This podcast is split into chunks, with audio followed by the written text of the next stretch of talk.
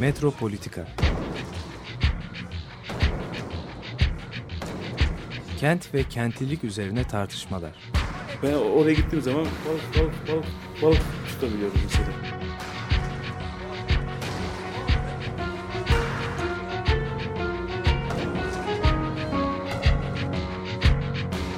Hazırlayıp sunanlar Aysin Türkmen, Korhan Gümüş ve Murat Güvenç. Takusuyor ki. Kolay kolay boşaltamadı. Yani elektrikçiler terk etmedi Perşembe Pazarı merkezinde. Merhabalar değerli Açık Radyo dinleyicileri. Bir Metropolitika'da birlikteyiz tekrar.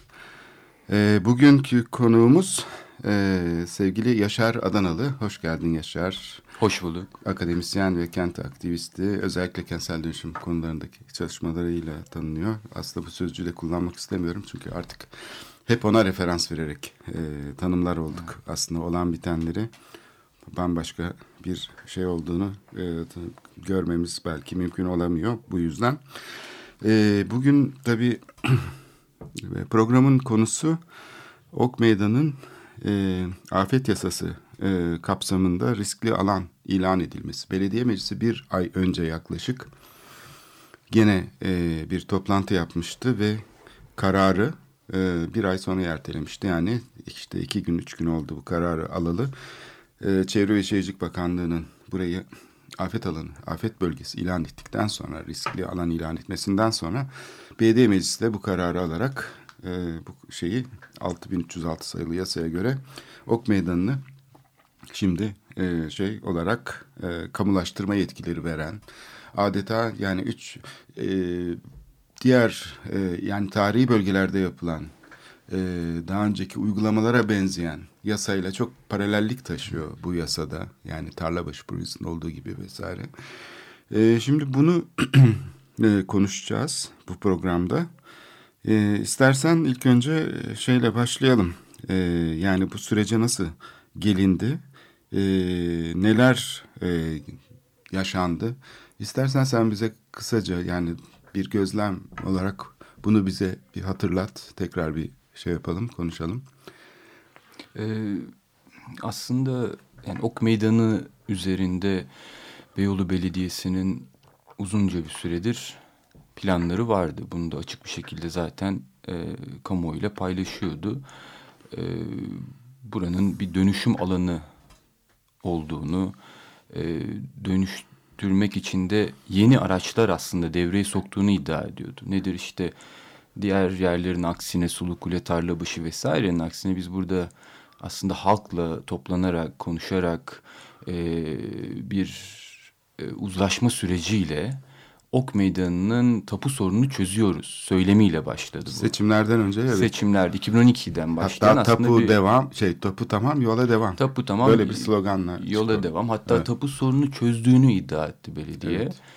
E, tapu sorununu çözmek olarak aslında e, Ok Meydanı'nın e, vakıf arazisi üzerinde e, kurulmuş bir mahalle yaklaşık 100 bin nüfustan bahsediyoruz.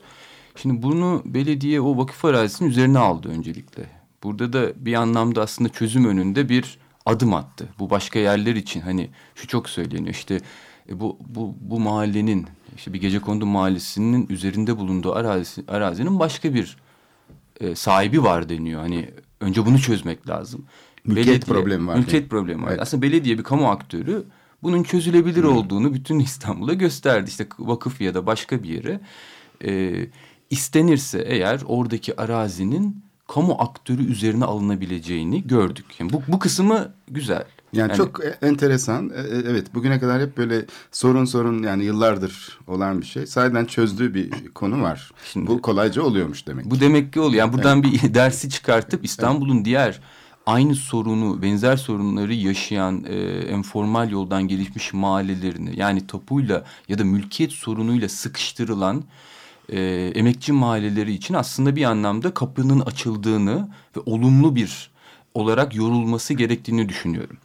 Tabii burada hikaye burada olumlu kısmı bitiyor. Bundan sonra bunu yani üzerine aldıktan sonra belediye, kamu aktörü buranın mülkiyetini daha sonra bunu kendi kentsel dönüşüm projesini kafasındaki zaten çok net bir şekilde çizdiği bunu da e, görsellerini, videolarını hepimizle paylaştığı Şubat ayında tamamen yerinden edici, yıkıcı bir yukarıdan Boş bir böyle araziye şey yapar gibi. Yani yeniden bir konut yerleşimi yapar gibi. yapar gibi bir projeyi araçsallaştırdı. İşte tapu sorununu çözdük ama yani şimdi bunu bizim projemize e, onaylarsanız çözdük. Şimdi nasıl çözdük? İkinci olarak da tapunu yani sizin zaten bedellerini birçok kere ödediğiniz evlerinizi üzerine koyduğunuz, yaptığınız arazileri bir kere bir daha bir bizden bir alın. Şimdi biz bunu çözdük ama şimdi biz, biz size satacağız bunu. Yani gene bir koşul ortaya çıkıyor. Yani ben elimde şimdi yetki var. Sen gene benim karşımda e, şeysin. Yani e, bana tabisin, benim kontrolümdesin. Çünkü defalarca aslında buradaki insanlar tapu tahsis belgesi aldılar, şeyler ödediler, harçlar ödediler Harçlar falan, ödediler. vergiler ödediler. Yani Yani şimdi bir kere daha e, yani aslında o çözdüklerinin sorunlarını burada açıyoruz. Hani bir kere girip satın alacaksın dendi. Satın aldıktan sonra tabii neyi satın alacaksın? E, hisse satmaya kalktı. İşte ne kadar e, şu an ne kadar bir e, şeyin varsa e, arazin varsa o kadar hissen olacak dendi. Tabii bu hissenin nasıl bir çerçeve içinde e, paylaşacağı, bunun mahalle içindeki öznesi ne olacağı, e, mahallenin bu hisse kontrolünü bundan sonraki süreçte nasıl elinde tutacağına dair hiçbir çözüm önerisi olmadan bireylere en sevilen e, e, anlaşma mekanizması e, kentsel dönüşümde bireylerle doğrudan yapılan bu ilişkide bir hisse satın al, satılacağı e, söylendi.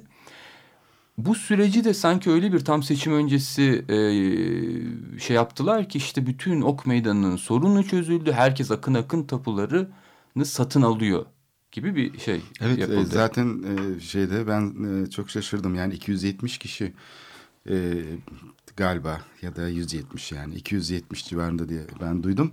E, insan buna katılmış. E, 14 bin mi ne mülkiyet aslında şey var birim var yani yapı birimi var.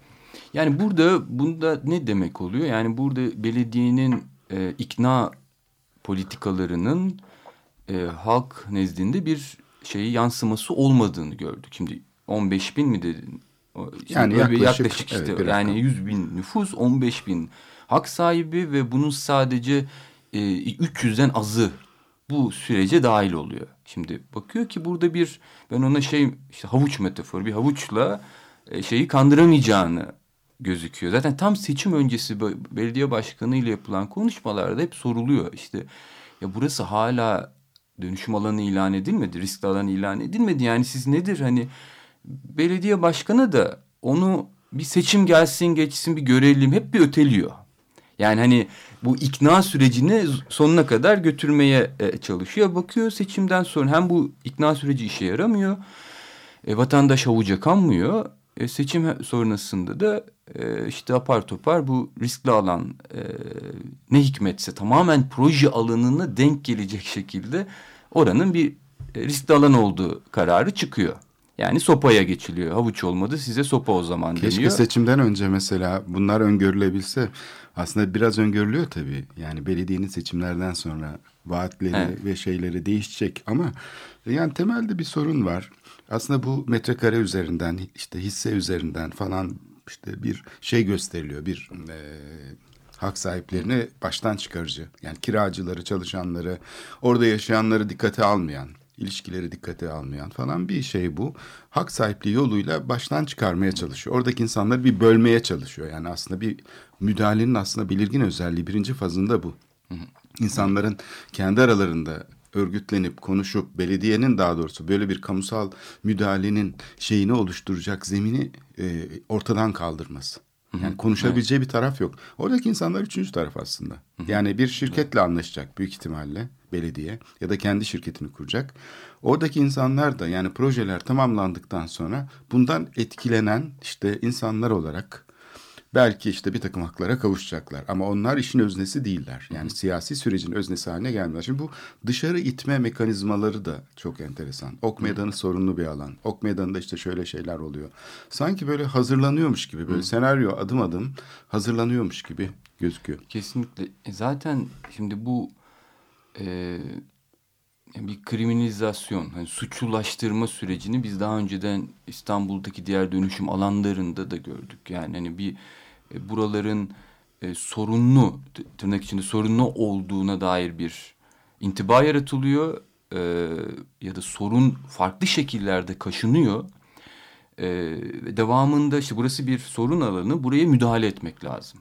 Yani e, nedir bu sorun? İşte burada güvenlik sorunu var, burada yoksulluk sorunu var. İşte Suluklu örneğinde burada bir ahlaksızlık sorunu var. Tarla başında burada bir suç sorunu var.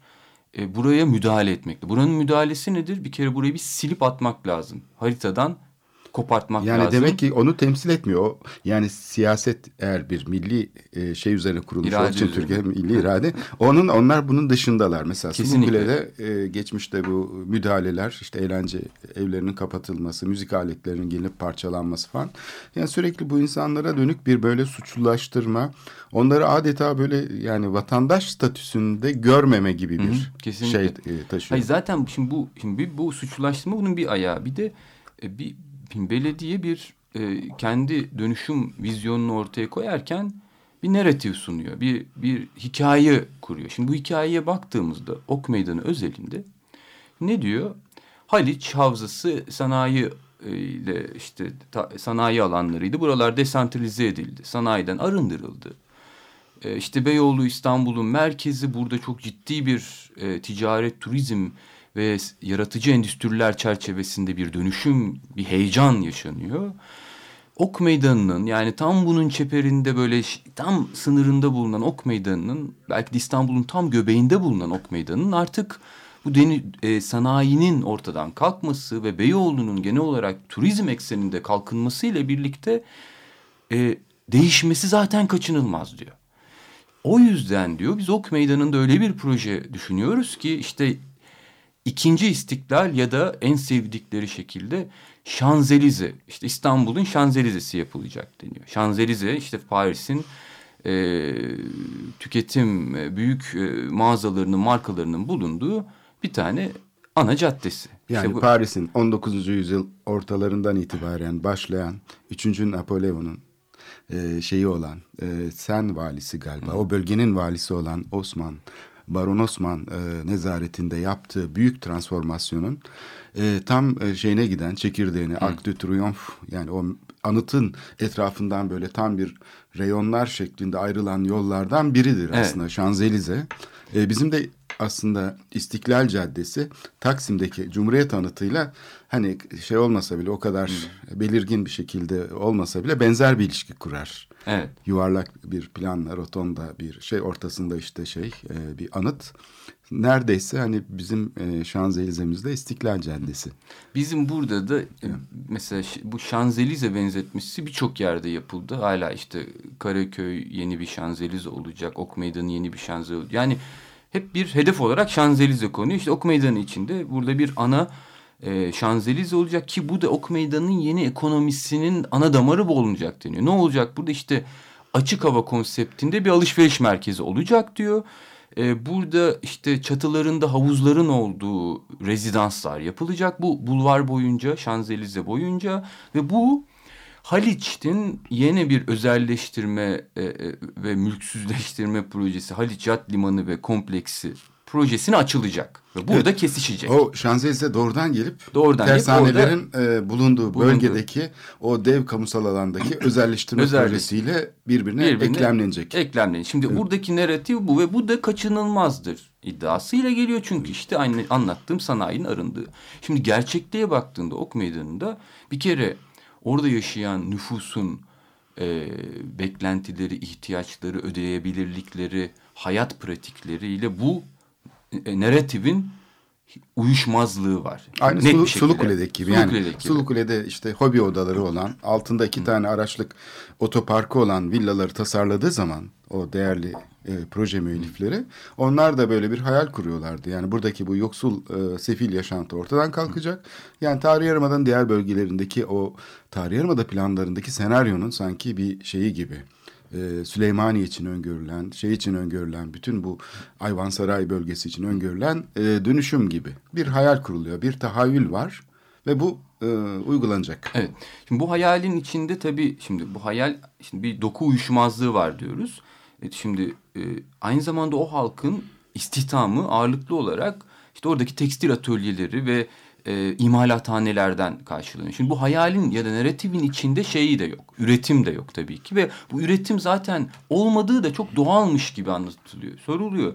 Peki burada bu halkın işte geçimini sağladığı bütün bu tekstil atölyeleri evine iş aldığı yani burada bir ekonomik e, e, hareketliliği ne olacak? E, bu proje bunu yok etmeyecek mi sorusuna belediye başkanı e, ama haliyle zaten kent merkezinde üretim olur mu gibi çıkıyor. Şimdi bu evet. da şimdi hani sanki e, e, bir şeymiş şehircilik e, artık hepimizin uzlaştığı Kuralı. bir kuralı söylüyormuş gibi geliyor ama bu aslında artık e, e, arkaik bulunan ve e, kent ekonomisinin e, dirençliliğine tamamen aykırı e, sanayi, üretimi kentin belli yerlerine hapsederek e, yaşayan nüfusun istihdam olanaklarını ortadan kaldıran e, bir müdahale olduğunu birçok yerde bunun örneklerini şimdi tartışabiliriz. Ama belediyenin narratifinde bu tabii ki olmayacak buradaki üretim atölyeleri. Onlara burada yer olabilir mi? Yani çok söyleniyor. E, enteresan bir şey bu paradoks çünkü hani bu dönüşümü yaşayan birçok şehirde Avrupa'da mesela belediyeler genellikle bir kişilik istihdamı yaratmak için bile çaba gösteriyorlar. Yani bunu bir başarı olarak görüyorlar. Çünkü kent içi nüfusun aslında çalışabileceği alanlar belli, sınırlı. Özellikle bu küçük üretim ve moda sanayi. Çünkü ben e, şey gezdiğim atölyelerde Ok Meydanı'nda Şimdi kimi atölyeler işte 10 kişilik, 20 kişilik falan ortalama büyüklük böyle. Fakat bazıları daha büyük ölçekli, 100 kişinin falan çalıştığı atölyeler de var. Ve bunların içinde e, şeyin e, tabii yani iç piyasaya üretim yapanlar var. Ama bir de dış piyasaya yani dış piyasalara, tanınmış markalara, e, butiklere ve bunların aldıkları siparişler e, öyle 100 bin adet, 1 milyon adet falan değil. Mesela orada ben 800 adet e, bir e, gelin elbisesi Kazakistan'a yapılıyormuş galiba. O, o sipariş almış bir şey gördüm atölye sahibi. Yani 800'lük bir siparişle sadece uğraşıyor. Mesela hmm. bu a, a, incelik önemli. Şimdi bunun gibi yerleri aslında başka ülkelerde olsa belediyeler e, kent yönetimleri bir, bir tür şey yapar. E, korumaya ve bunları geliştirmeye çalışır. Başka tür networkler kurmalarına yardımcı olur. İşte tasarımla şey arasında bir eğitim işte genç nüfusun istihdam yapısının gelişmesi için yani çünkü turizm sadece işte bulaşıkçı falan olur yani Hı. turizmle ilgili insanlar ya da inşaatçı olur ama konfeksiyon konusunda işte tamamlayıcı şeyler ki orada görüyorum Ok Meydanı'ndaki şanlarında mesela tasarım atölyeleri var. Yani ona hizmet veren. Onlar ne yapıyorlar? Modellerin çizimlerini yapıyorlar Hı. falan. Demek ki yani bu entegre bir şey var. Diğer taraftan yani mesela Beyoğlu'nun birçok bölgesinde olmayan e, yerel ekonomilerle bağlantılar var.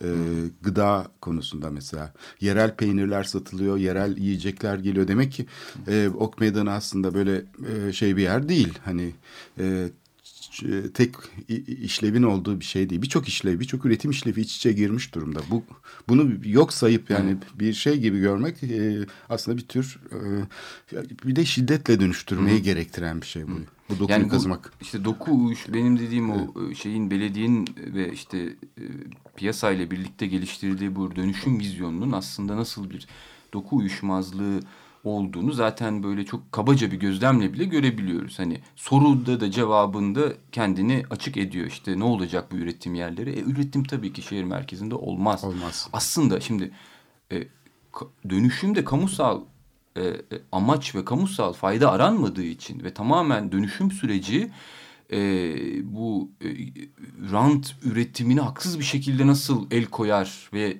bölüştürürüz kendi aramızda e, şeyiyle sorusuyla yapıldığı için bu bizim bize çok doğal gelen e, şeyler, sorular e, mevcut model içinde cevapsız kalıyor. Şimdi bu dediğin, demin anlattığın o üretim ağının aslında bir değer olduğunu ve bu çok ciddi bir potansiyel olduğunu düşünen herhangi aklı e, selim bir yerel yönetim soruya şöyle başlar. Bir kere Ok Meydanı'nın e, mevcut potansiyelleri nedir? Buranın değerleri nedir? Hani üretim anlamında, bunun üretim ağları anlamında, yaşayanların yapabilirlikleri anlamında.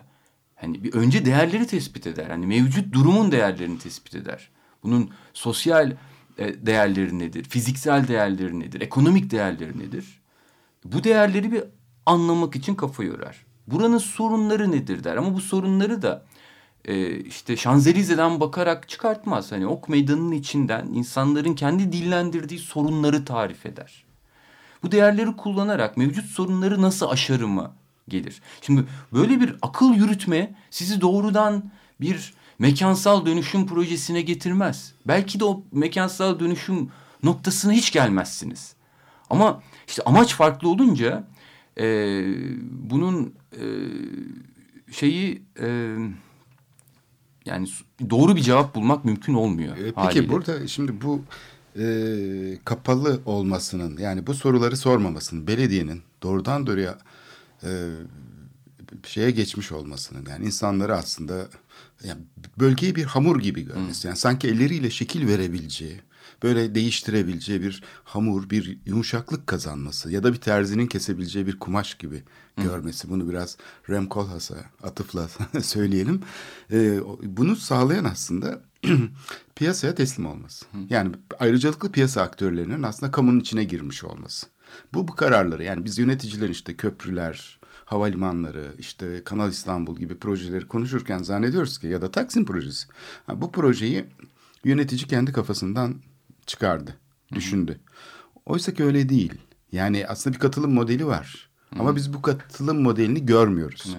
Yöneticinin çok iyi e, e, tanık olduğu, içinde bulunduğu, hakim olduğu hatta bir katılım modeli var. Siyasetle yani şirketlerin iç içe girmiş olduğu bir modelde bunlar üretiliyor. Hı hı. Ve bu optik aslında onların optiği. Hı hı. Yani burada zaten yani siyasetin temel açmazlarından biri bu şeyi mesafeyi üretmeyi e, üretmesi. Hı. Sürekli bir mesafe üretiyor. Çünkü bu rejim aslında merkeziyetçi rejimin mekanı algılayışı, anlamlandırışı, onun semantiği zaten, onu teknik bir konu gibi tanımlayışı, e, rasyonalize etmesi. Yani bu oluşturmuş olduğu uzmanlık üst dillerini, geçiciliğinin statüsünün tanınmayıp bunların gerçeklik olarak kabul görmesi. Demin çok güzel bir örneğini verdin. Bu aslında bu e, söylemin inşa edilme biçiminde... Hı hakikatini inşa etme biçiminde siyasetin çok net görülüyor. Yani muazzam bir asimetri var. Oradaki insanlar ve bunun karşısında şirket, uzmanlar ve şey iç içe girmiş.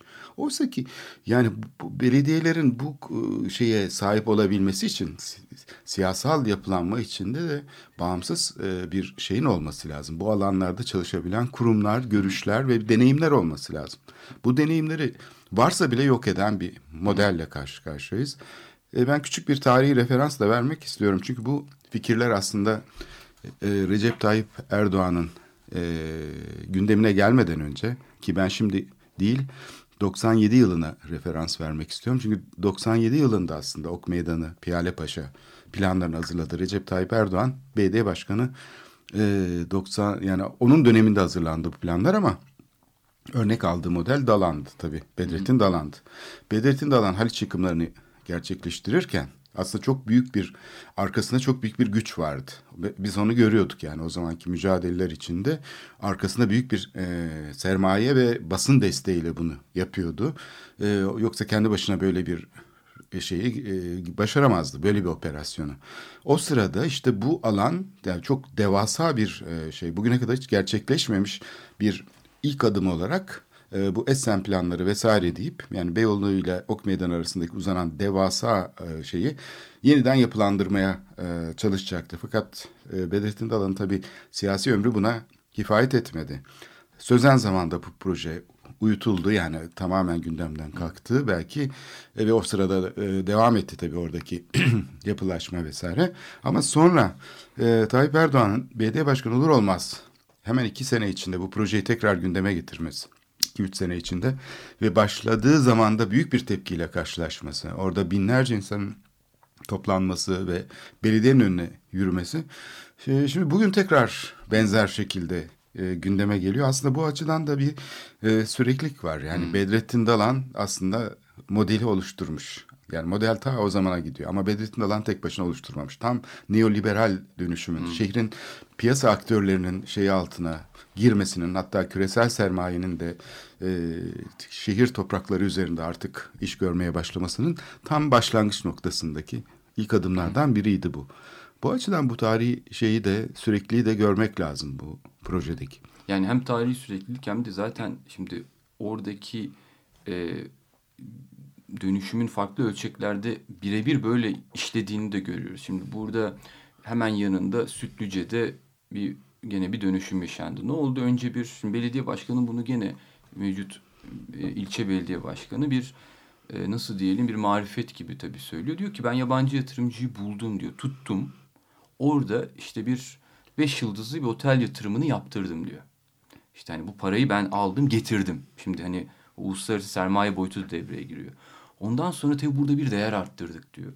Sonra hemen otelin arkasında yer alan mahalleyi de aynı şirkete kentsel dönüşüm yapması için ikna ettim diyor. Evet. Hat, sanki o yapıyor gibi. Evet. Yani Örnektepe'de şimdi Evet. baktığınızda şimdi oraya bir şimdi beş yıldızlı otel yapılmış ve bu oteli yapan e, yatırımcı firma e tabii yani otelin etrafında bulunan gecekondu mahallelerinin e, tırnak içinde temizlenmesi lazım.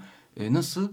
Gene aynı yatırımcı hani kamunun görevi olan dönüşüm e, e, nasıl diyelim mekansal müdahaleleri kendi planlıyor ve burada da geliştirdiği projede de hani gene bir rıza üretme süreci için diyor ki evet biz burada bir dönüşüm yapacağız ama tabii sermaye her zaman kamu aktöründen daha ileride ve daha açık bir şekilde bu süreçleri takip ettiği için diyor ki biz bir proje yapacağız ama e, bu yapılan proje aynen mahalle gibi olacak. Ha güvenlik olmayacak mı olacak ama işte e, sitede bekçiler, düdüklü bekçiler gezecek. Süpermarket gibi olmayacak da işte içinde e, manavı, kasabı bilmem nesi olacak diyor. Yani işte hani ama e, model bu. Büyük yatırımı getir sonra etrafındaki mahalleyi dönüştür. Haliç'i dönüştür. Haliç'in etrafında büyük tersane alanını e, otel projesine dönüştür. Rezidans ve otel. Geri kalanındaki ma- koca bir mahalleyi e, ok meydanına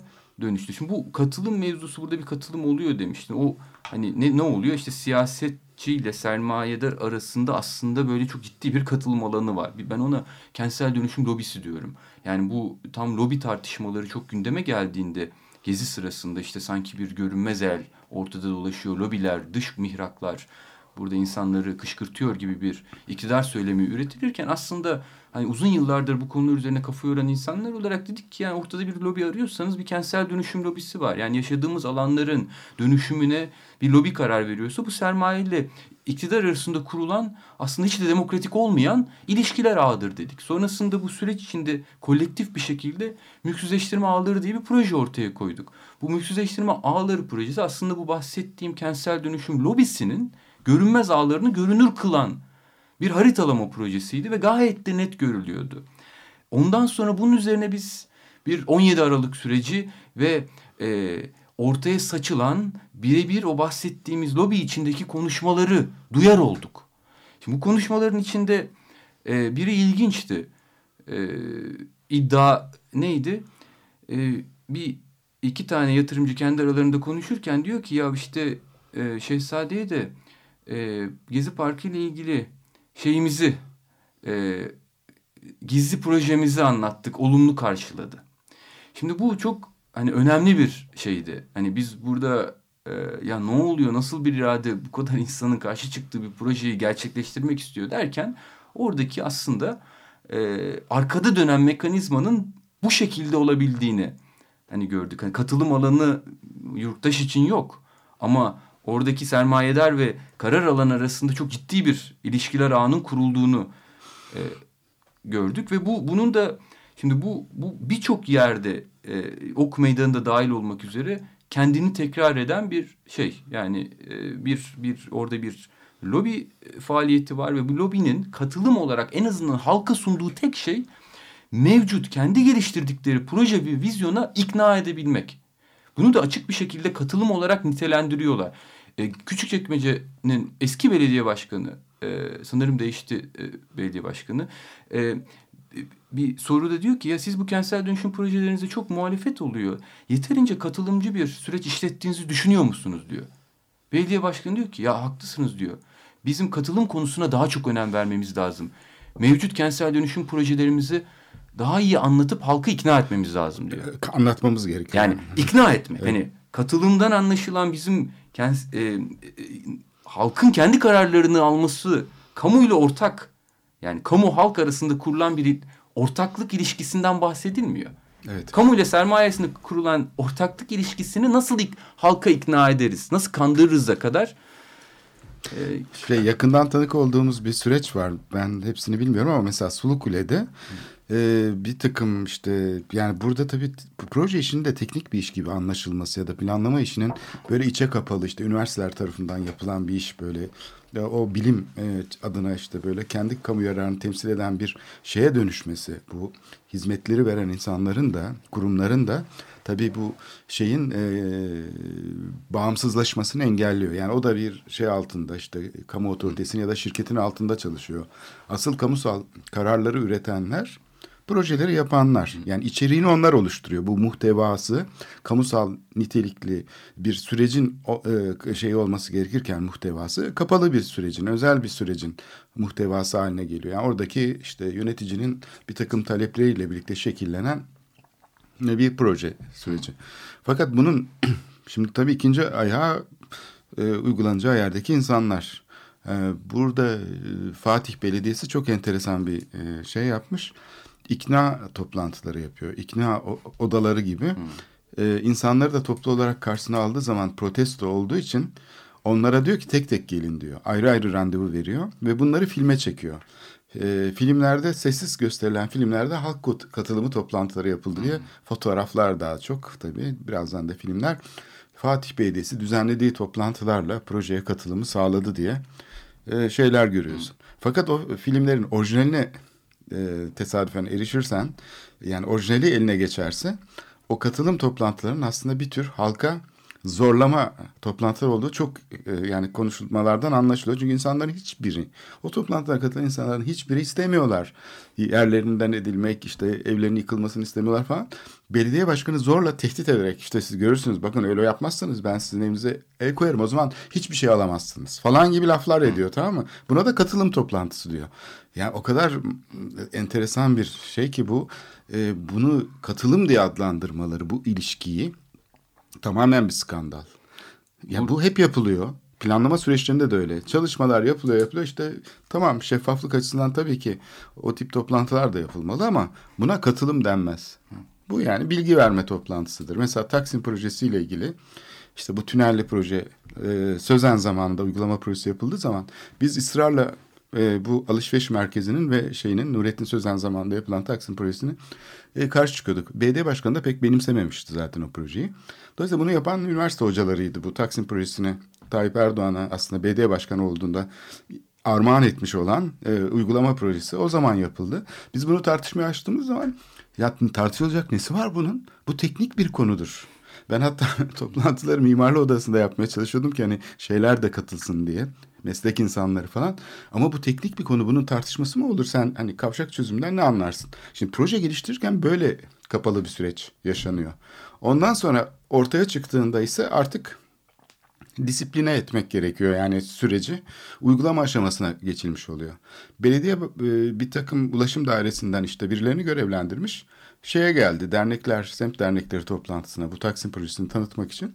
E, biz dedik yani peki ama yani gümüş suyunda bu kavşağı ve servis yolunu yaparsanız bakın yaya yolu kalmıyor. Evet biz de farkındayız bu sorunun. Aynı divan otelinin karşısındaki problem gibi problemler var sıra sahiplerde gümüş suyunda. Ama yani dedik hani bunu yapmak zorunda mısınız? O kadar tuhaftı ki durumları. Hmm. Yani burada artık bu yapılacak biz sadece size bilgi verebiliriz. O zaman niye toplantı yapıyoruz? Dedik. Yani biz de dedik ki isyan ettik. Yani hem şey belediye karar aldı bu proje yapılacak diyorsunuz. Hem kendiniz de farkındasınız projenin sorunları olduğunu ama yapılacak. Nasıl bir işleyiş bu yani? Yukarıdan iki dudak arasından çıkan bir sözcükle bütün şey sistem ona bağımlı hale geliyor. Altında işleyen bütün süreçler. Halbuki orada bir nefes alma şeyi olması lazım. Bir karşılıklı etkileşim olmalı. Yani kararın bu kadar hiyerarşik şeyle yapılanmış olması yani tamamen aşağıya doğru yapılanmış olması yöneticilerin hata yapmasını da e, şey yapıyor. Bu getir. Fatih'te ilginç bir örnek vardı. Londra Üniversitesi iki sene Sulu Kule'de çok muazzam bir çalışma yaptı. İyileştirme Ama için. onu sildiler tarihte. Sildiler. Yani hiç kimse farkında bile değil. Ama evet. e, çok gerçek anlamda e, bir katılımcı e, süreç işleterek ve mevcut e, yaşayanları tamamen yerinde tutacak ve iyileştirecek bir model sundular. Ekonomik bir kırılma yaratmadan, E, istihdam kırılma, yapısını dikkate alarak. alarak gelişmeyi de sağlayacak Evet. kendi içlerinde bir model Bence düşündüler. en başarılı çalışma oydu evet. İyi bir çok iyi bir çalışma. Şimdi bu ilginç bir. Şimdi orada tabii gerçek anlamda zaten bir katılımcı süreç işletmek istediğinizde bir alanla ilgili bütün aktörlerle görüşürsünüz. Yani doğa. Şimdi bu Londra Üniversitesi öğrencileri belediyeye gidiyor. Fatih Belediyesi'nde aynen bahsettiğin tarzda o katılım toplantıları e, imajı veriliyor. Şimdi be- öğrencileri toplan belediyedeki toplantı odasında karşılıyorlar. Gene orada işte hoş geldiniz e, pankartı var arkada asılmış. E, belediye başkanı geliyor, el sıkıyor, fotoğraf çekiliyor. Şimdi ondan sonra e, şöyle bir haberler çıkıyor işte daha çok da işte iktidar yakın medyada işte Sulukule projesini belediye e, Londra Üniversitesi ile ortak geliştiriyor. e, Londra Üniversitesi'nin önerdiği e, işte şu şu şu e, parçaları kendi projesi içine aldı. Şimdi belediyenin projesi Sulukule'yi darmadağın ediyor ve e, iddia edilen o ki işte Londra Üniversitesi'nin yaptığı çalışma e, belediyenin çalışmasıyla bir arada harmanlanıyor. Şimdi bunu öğrenen e, Londra Üniversitesi sonrasında yazışıyoruz.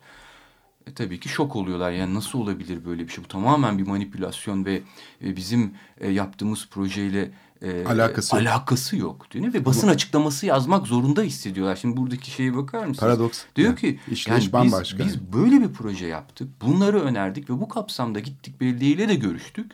Evet. Ve belediyenin bu yaptığı yanlıştır diye açıklama yapmak zorunda kalıyor. İşte hani katılımdan anladığımız son noktada Ancak itiraz şey bu. edebilirsin bu, sürece.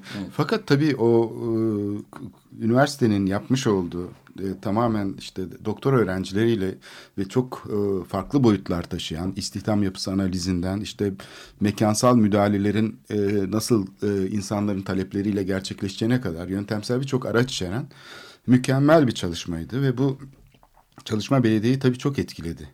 Yani belediyeden büyük bir kadronun sonra bu Londra'da kurs görmeye gittiklerini ve ders programlarının bayağı içeriğinin de ciddi olduğunu e, gördüm. Demek ki belediye etkilendi her ne kadar bunu kabul etmese bile.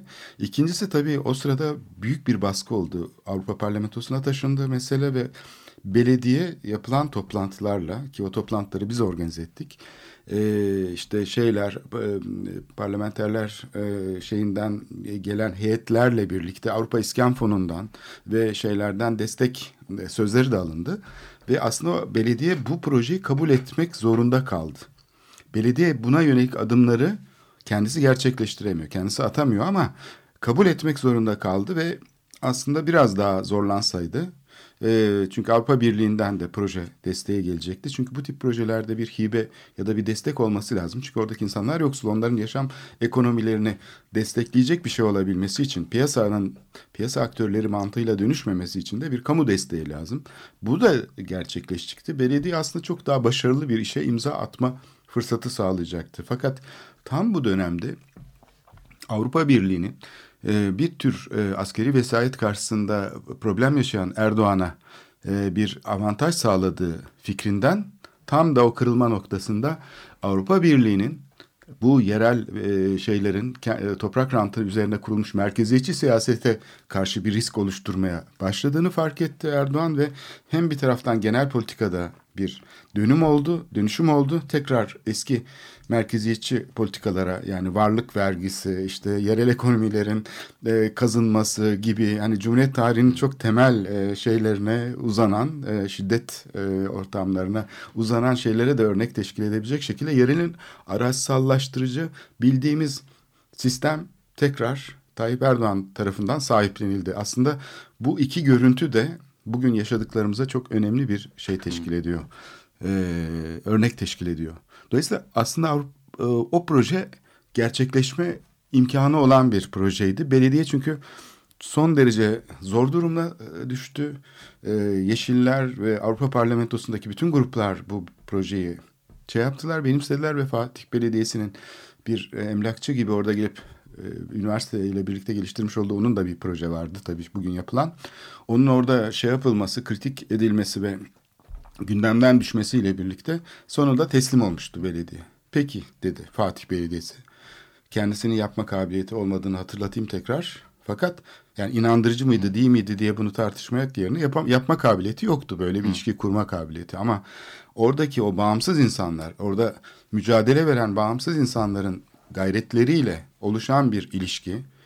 E, London College Üniversitesi'nin zaten e, çalışmaları sürekli sunumlarla e, yapılan geniş toplantılarla bazen 200 kişiye kadar çıkıyordu toplantıların ortalama boyutu. Sürekli tartışılarak geliştirilmiş de bir projeydi. E, o gündemden kalktı. Ben bunu, bunun bir büyük eksiklik olduğunu düşünüyorum. Aslında o projenin bir kitap olarak basılması bile faydalı olabilir. Ya orada belki bir ekleme, şimdi bir sıkıntı her ne kadar metot e, o dış aktörlerin getirdiği katkı olumlu olsa da hani Sulukule örneğindeki bu diğer yerlerde kendini tekrar etti. Şimdi mahallenin kendisinin bir müşterek siyaseti olmadığı, olamadığı için e, bu sürecin daha fazla zaten ilerleme imkanı ne yazık ki yoktu, kalmadı. Yani bu, bu şimdi ok meydanına da dönecek olursak ya da diğer dönüşüm mahallelerine döndüğümüzde de istediği kadar riskli alan ilanları gelsin, işte bütün o baskı araçlarını devreye soksun. Burada bu süreç içinde gerçek anlamda bir kazanç ve dönüşüm yani toplumsal dönüşüm sağlayan yerlere baktığımızda buralar kendi içlerinde bir müşterek siyaset örebilen yani ayrımları aşan mahalleyi e, böyle ka bütün kapsayıcılığıyla e, yaklaşan e, e, yerel siyaseti örebilen yerler olması baş, gerekiyor. Olması gerekiyor. Ama başarılı oluyor. Bunun için işte bir siyasi işleve ihtiyaç var. Bu halk dediğimiz şey aslında bu asimetri tarafından inşa Hı. edilmiş bir durumdur. İnsanların aslında o karşısındaki güç karşısında adı edindikleri duruma biz halk diyoruz. Yani bu Asime bu üçüncü köprü araştırması mesela bunu çok güzel ortaya koydu. Üçüncü köprü hakkında bilgi sahibi olduklarında insanlar aa diyorlar olmasın. Ama normal şartlarda bugünkü bilgilendirme biçimiyle bu medya manipülasyonlarıyla vesaire halk basbayağı inşa ediliyor. Şimdi orada da insanlar çaresiz karşısında çok şiddetli bir şey var. Roman halkı zaten bunun sürekli sillesini yemiş yani. Hep sürekli karşısında bir takım şeyler şiddet e, kurumları çıkmış kamu kurumu dediği zaman. E, dolayısıyla e, böyle bir deneyim de yok. Dolayısıyla adım adım bu şey oluşturulabilirdi. Bu sosyal örgütlenme, mahallenin tekrar kendi yaşamını örgütleyecek şekilde sürece katılması, siyasal sürece, o dışlanmışlık konumunu değiştirmesi mümkündü. Fakat ben asıl entelektüel ortamdaki şiddet ya da e, rekabet e, dışı şeyler var. Orada yani mesela bu yabancı bir üniversitenin gelip çalışma yapmasından çok rahatsızlık duyan bir takım kesimler oldu. Aa bizim projemizi yabancılar mı yapacak? Sanki onların burası yerel av sahası. İşte yaptı senin projeni buradaki bir üniversite.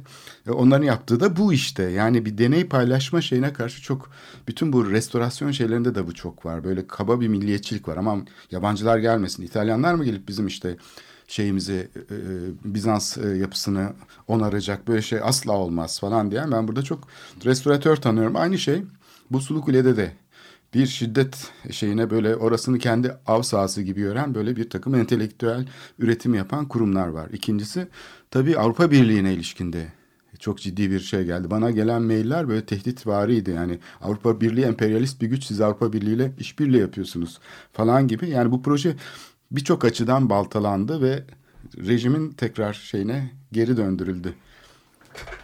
Diyebiliriz. Yani bu çoksa yani Fatih Belediyesi kendi gücüyle e, bu sistemi inşa edemezdi. Burada diğer aktörlerin de desteğini alarak Sulu Kule projesini yaptığını söyleyebilirim. Bu deneyimi aslında belki tekrar hatırlatmak için e, ben o zamanki hazırlanan e, şeyi yani projeleri diyeyim. Aslında proje deyince başka şeyler anlaşılıyor ama bu çalışmanın aslında tekrar tanıtılması çok çok iyi olur diye düşünüyorum. Yani Sulukule'de aslında e, nasıl bir çalışma yapıldı, neler öngörüldü. Biz bunu defalarca yaptık bu toplantıları. Hatta e, o zaman Kültür Başkenti Ajansı da kavga edilerek ciddi bir şekilde yönetim kurulunda bu projeyi onaylamıştı ve destek verecekti. Yani içeriden de bir destek söz konusuydu. E, bunu aslında tanıtmanın bugün yararlı olacağını düşünüyorum, bilmiyorum. Hı. Katılır mısın? Yani böyle bir bağlantıyı tekrar kurup Ok Meydanı çünkü 3500 kişilik bir yer değil. Evet. Bu artık yani bir şehir ölçeğine taşınıyor bu kentsel dönüşüm. Adeta Paris'in 19. yüzyılda yaşadığı yıkıma benzeyen bir şekilde. Zaten onu şey belediye başkanı Beyoğlu'nun üçte birini yenileyeceğiz diyor. Yani şimdi Beyoğlu bir kent aslında. E, dolaşırsan zaten Usta. üçte ikisi de kaçak neredeyse. Evet, Evet. Yani üçte birini yenileyeceğiz dedi. Yer ok meydanı. Yani Evet. aslında Beyoğlu'nu e, radikal bir şekilde Topyekün. bambaşka topyekün Evet. ele alıyoruz diyor. E, evet yani bu ok meydanını ve hepimizi ciddi bir süreç bekliyor. Evet. Evet, tabii e, bu e, müdahale aslında yani şimdi biz kapitalizm diyoruz falan. Kapitalizm aslında şehrin e, şeyinde aslında bir düzeyi temsil ediyor. Onun için de e, bu şeyin ye- yeniden üretim mekanizmaları şehrin bambaşka şekilde de işleyebiliyor. Yani kapitalizm dışı kurgu mekanizmaları var mesela birçok alanda sanat faaliyetlerinde falan. Bu kentin hafızasında da var. İnsanların geldikleri yörelerle kurdukları ilişkide de var. Bunların hepsini basit bir saf mantıkla işte kapitalizmin işleyişidir. Kent evet emlak piyasasında değer kazanır bu e, e, yapılan ortaya konan değerler ama ama sonunda üretildiği alanlar kapitalizm dışı e, şeyler olabilir. Bu kentsel dönüşüm aslında saf bir şekilde bütünsel tasarım ütopyasının sanki ideallerinin bir tezahürü gibi kapitalizmin en e, şey halini teşkil ediyor. Yani bir alanı tamamen e, bir kapitalist yani şeye dönüşüme tabi kılmaya çalışıyor. Dolayısıyla bütün bu hafızasını da kendi dışındaki e, gelişme şeylerinde de yani bir şehri şehir yapan şeylerden ortadan kaldırıyor. Bu kentsel dönüşüm projeleri sonucunda ortaya çıkacak şeyin ben bir çöplük olacağından ciddi bir şekilde yani buna şüphe duymuyorum aslında inanıyorum. Ee, sonrasında da ki bir dönemden de buna bakıldığı zaman hani herhalde böyle bir şeyle bakılacak. Yani bu hatalar nasıl yapıldı gibi ya da bu duruma nasıl düştü İstanbul falan gibi bakılacak. Onun için ciddi bir şeye ihti- ihtiyaç var. Yani bilmiyorum itirazların dışında belki e, bu yol ve yöntemleri gösterecek şekilde bir politika geliştirmeye zorlamak gerekiyor kamu yönetimlerinin. Özellikle bu merkeziyetçilik problemini çözmek için. E, son bir şey olarak da belki böyle bir şey Evet. söyleyebilir misin? Yani burada e,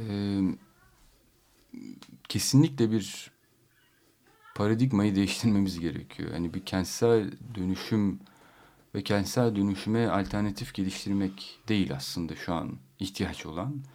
Hani tamamen yeni bir e, yaklaşımı hem demokrasiyle bağını kuracak, mekanı, yaşam alanını bir demokrasinin meselesi haline getirecek e, bir şeye evrilmemiz gerekiyor. Bunun için yani benim kullanmayı tercih ettiğim terim özenle iyileştirme. Şimdi bizim bir bütün yaşam alanlarında yaşadığımız kentlerde bir özene ihtiyacımız var ve bu kentin emekçi mahalleleri de dahil, kent merkezindeki ve kültürel miras alanları da dahil, kamusal alanlar da dahil, e, ekolojik kaynaklar da dahil ve bu özenle özenin de e, bizler yaşayanlar tarafından tariflenmesi ve ortaya konması gerekiyor. Bu yönde bir e, çaba içinde, arayış içinde olmamız e, lazım. Bunun da e, bir öncelikle bir aktörünün olması çok önemli. İşte daha önce de dediğim bunun için bizim yaşayanların bir bir kendi aramızda bir ortak siyasetimizi kurmamız gerekiyor. Bu siyasetin de e, işte parti ve işte bütün bu kültür savaşları argümanlarını aşacak şekilde kapsayıcı bir siyaset olması. Evet o merkeziyetçi şeyin içinde yer alan e, siyaset biçimini aşması, Aşması gerekiyor. gerekiyor. Semantiği Yani değiştirmesi değiştirmesi Evet. gerekiyor. Bununla ilgili çok başarılı bir örnek var. İşte bu bir önceki yerel seçimlerde Sarıyer'deki gecekondu mahallelerinin, Sarıyer mahalle dernekleri ve mahalle kooperatiflerinin seçim kampanyası vardı aslında. Şimdi seçim kampanyalarını ağırlıklı olarak seçilmek isteyen adaylar yaptılar. Ve e, o bahsettiğimiz mevcut e, siyaset yapma şekli içinde kalarak yaptılar. Ama Sarıyer Mahalle Derneklerinin seçim kampanyası ve siyasetine baktığımızda tam da bahsettiğim bu müşterek bir siyaseti, mahalle siyasetini bütün bu mahalle içindeki farkları kapsayacak şekilde ortaya koymaya dayalıydı ki çok değerliydi. Orada şey diyorlardı. Bizim partimiz de seçimimiz de mahallemiz. Şimdi bu bu siyaseti dışlayan apolitik bir pozisyon değil. Tam tersine aslında siyaseti yeniden kuran, Araçsallaştırmasını engelleyen engelleyen ve siyaseti halkla o ilişkisini doğrudan kuran ve milli irade denen o çok hiçbir şey aslında e, soyut şeyi çok daha gerçekçi bir halk iradesine dönüştürme potansiyeli olan bir süreç işlettiler. Ve bunu da e, gerekli olan işte bütün iletişim araçlarını da devreye sokarak yaptılar. Kendi yerel gazete işte Sarıyer Mahalle'den gazetesi çıkardılar. 10 bin tane basıldı bunlar. E, bütün mahallede dağıtıldı. E, mahallenin dönüşümle ilgili sorunlarını aynı zamanda yaşamla ilgili sorunlarıyla bir arada ele aldılar. E, ve e, bütün partiler önüne seçim öncesi bütün adaylar önüne e, seçim taahhütnameleri sundular. Bu taahhütnamelerde de kendi önceliklerini e, tanımladılar ve altına aday ada, imza atan adaylara e, oy atabileceklerini deklare ettiler. Bu değerliydi. E, tek bir aday imza atmadı. E, tahmin ettiğimiz gibi. Tahmin ettiğimiz gibi. O da gene kazanamadı. İki, iki seçimdir bu Sarıyer'de tekrar eden bir süreç. E, ve hani bu bu aslında öğrenilmesi gereken hani değerli bir e, şey, e, tecrübe İstanbul'da yaşanan. Yani bu müşterek siyaseti yerelde kurmak, örmek ve ondan sonra anca zaten kamunun dönüştürücü ya da kamuyla bir ilişki kurmak mümkün olacak. Siyasal Şimdiden... mücadeleden belki bunu anlamak lazım. Bu, yani evet. sadece iktidarı ele geçirmeye çalışan bir şey belki de siyasal mücadele dememek lazım. Demek lazım. İşte böyle bir siyaseti eğer zaten Hı. kurabiliyorsak e, ve hani siyaseti mekanla birlikte bu şekilde ele alabiliyorsak o zaman kamu e, iradesi e, üstünde de bir baskı oluşturup kamuyu gerçekten kamu aktörü yapma e, belki imkanını yaratmamız mümkün olabilir. Evet. Evet mekan e, aslında bu şekilde bir araçsal mantıkla sadece bir nesne olarak görüldüğü sürece onun içindeki insani durumlarda tamamen e, bir şeyin e, nesnesi haline geliyor siyasi. Halbuki o sürecin arkasında tekrar insani süreçler var. Siyasi süreç sembolik bir faaliyetse onun arkasındaki süreçler de sembolik. Onlar doğrudan doğruya basit nesneleştirilebilecek pratikler değil. Dolayısıyla siyasetin şiddetten arınmasıyla ilgili çok temel bir şey bu mekan kavramının tekrar politikleştirilmesi. Ok Meydanı'ndaki Semt Derneği'nin başlatmış olduğu inisiyatifin de bu şekilde yapılanmakta olduğunu görüyoruz. Belki bu riskli alan e, ilan edilmesiyle birlikte bu mücadelenin de bu fazdan sonra e, bildiğimiz siyasi şeylerin dışındaki başka e, deneyimlerle ilişki kurarak gelişeceğini e, umut edebiliriz. Tahrip edilmediği sürece şiddetle. Bir tek sorun var. Şiddet bu tip ilişkileri fena halde kazıyor ve başka bir şekilde manipüle etmesine vesile oluyor. Çok teşekkürler sevgili Yaşar Adanalı programa katkıların dolayısıyla. Tekrar e, başka programlarda görüşmeyi diliyorum. Umarım. Evet, herkese de iyi haftalar diliyorum. Metropolitika burada sona eriyor.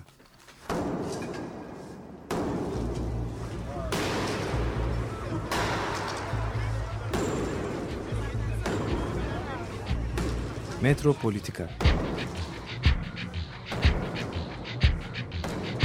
Kent ve kentlilik üzerine tartışmalar. Ben oraya gittiğim zaman balık balık balık balık tutabiliyorum mesela.